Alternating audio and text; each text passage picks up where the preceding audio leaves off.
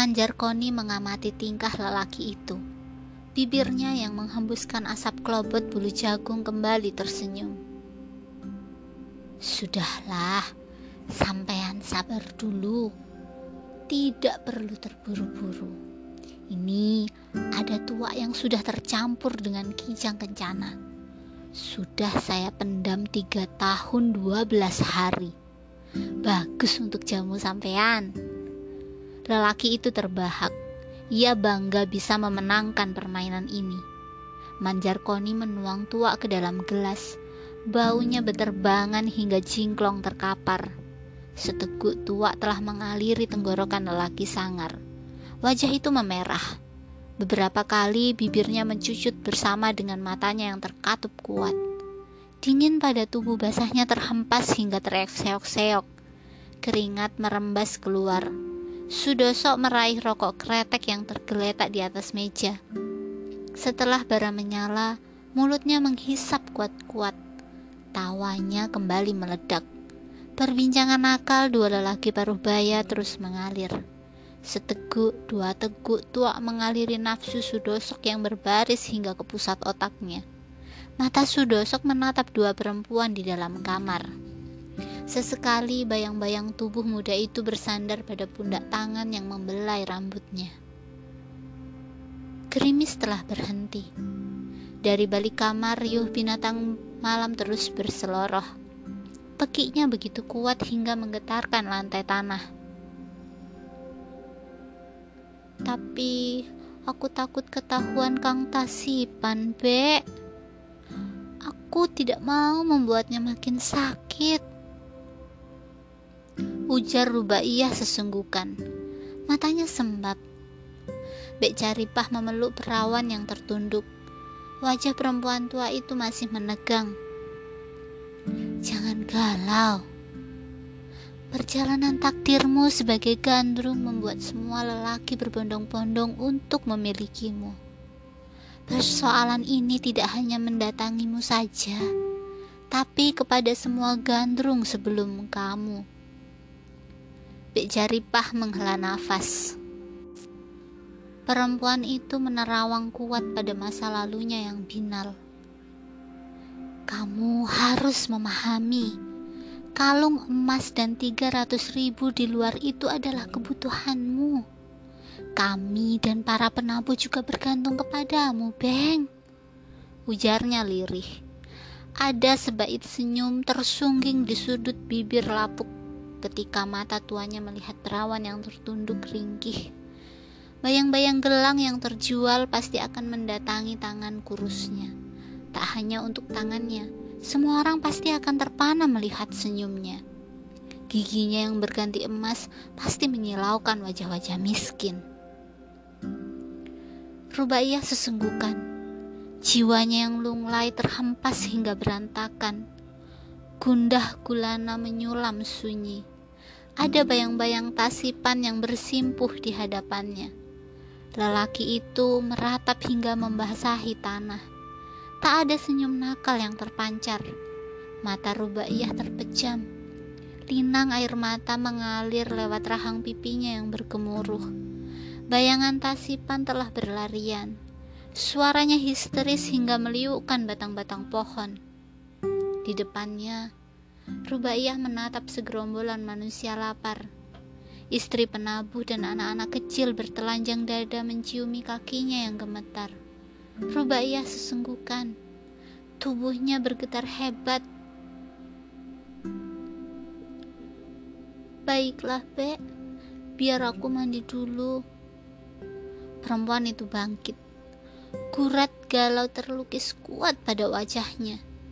Nafasnya yang memenuhi jantung terhempas kuat.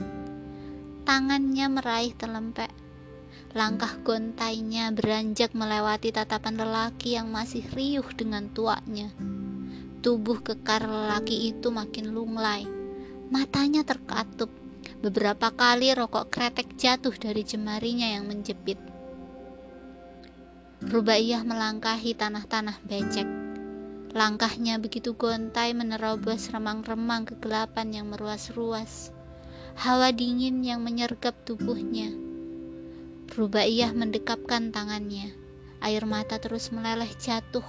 Luruh nafasnya bergemuruh deras hingga mengibas-ngibaskan api telempek.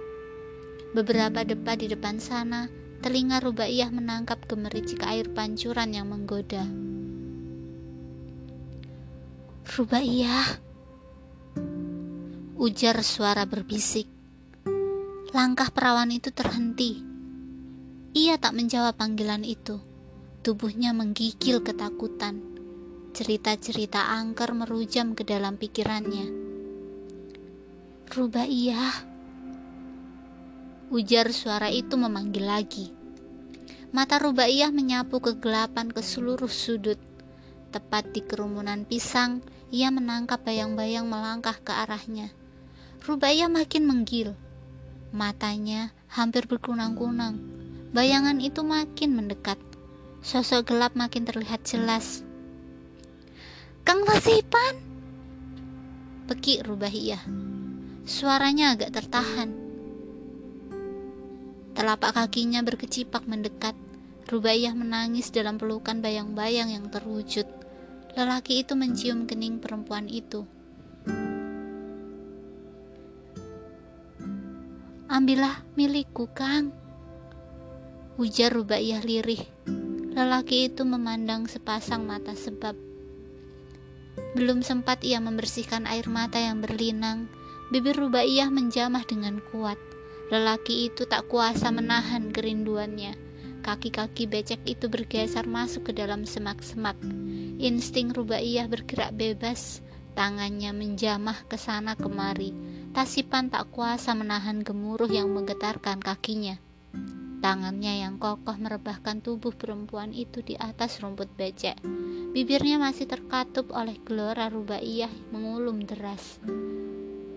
Bagian-bagian tubuh mulai tersingkap.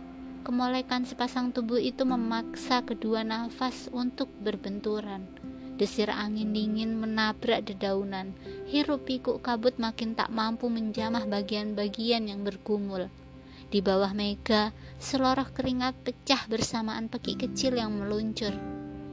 Desah menerobos celah pori-pori. Tubuh Rubaiyah dan Tasipan meregang dan lunglai. Rubaiyah tersenyum. Kunang-kunang masuk ke dalam gebyok. Pik Jaripah kembali menuang tua.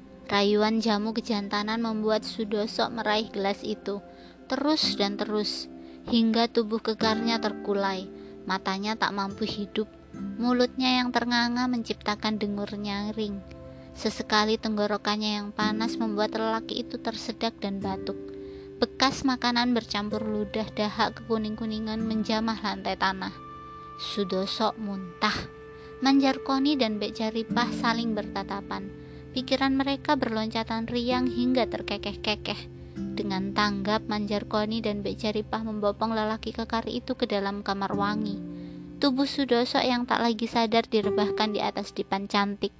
Manjarkoni melangkah keluar. Bek Jaripah menatap tubuh kekar itu. Riuh mata nakalnya berbinar. Tangannya menjamah tubuh lunglai itu. Satu persatu pakaian basah Sudoso ditanggalkan. Manjarkoni kembali duduk di kursi kuno. Jari tangannya begitu hikmat dengan kelobot bulu jagung. Pikirannya menerawang kosong. Ada bayang-bayang yang menjelma dan terbang di dalam sana. Suara sangat gaduh. Mereka belingsatan hingga mencipta deritipan dari dalam kamar. Ada pekik nafas yang merujam basah. Nyi Jaripah melangkah keluar ia menatap lelaki paruh baya yang masih mengalun nafas dengan asap kelobot bulu jagung. Tak ada kata yang terungkap. Tubuh letih Bejaripah terhempas di atas kursi kuno. Punggung tangannya mengusap peluh pada jidatnya. Samar-samar suara dengkur dari dalam kamar bersaing dengan langkah kaki dari pintu belakang. Sosok Rubaiyah melangkah mendekat. Tatapan lentiknya terlukis cerah dengan bibir yang tersungging ranum. Manjarkoni dan Mbak Jaripah beradu pandang. Rubaiyah duduk bersanding. Sesekali Rubaiyah melirik gedek yang agak menganga. Tak ada lagi sosok bayang-bayang lelaki 16 tahun yang meringkuk di antara rumpun bambu dan batang pisang. Tak ada lagi pesta pora segerombolan cingklong. Lelaki itu telah pergi ke peraduan janda Saponah. Bayang-bayang emak yang merungkung pada rasanya tak lagi bersanding dengan rubaiyah. Emak adalah emak, rubaiyah adalah rubaiyah. Mereka gandrung beda masa. Ya,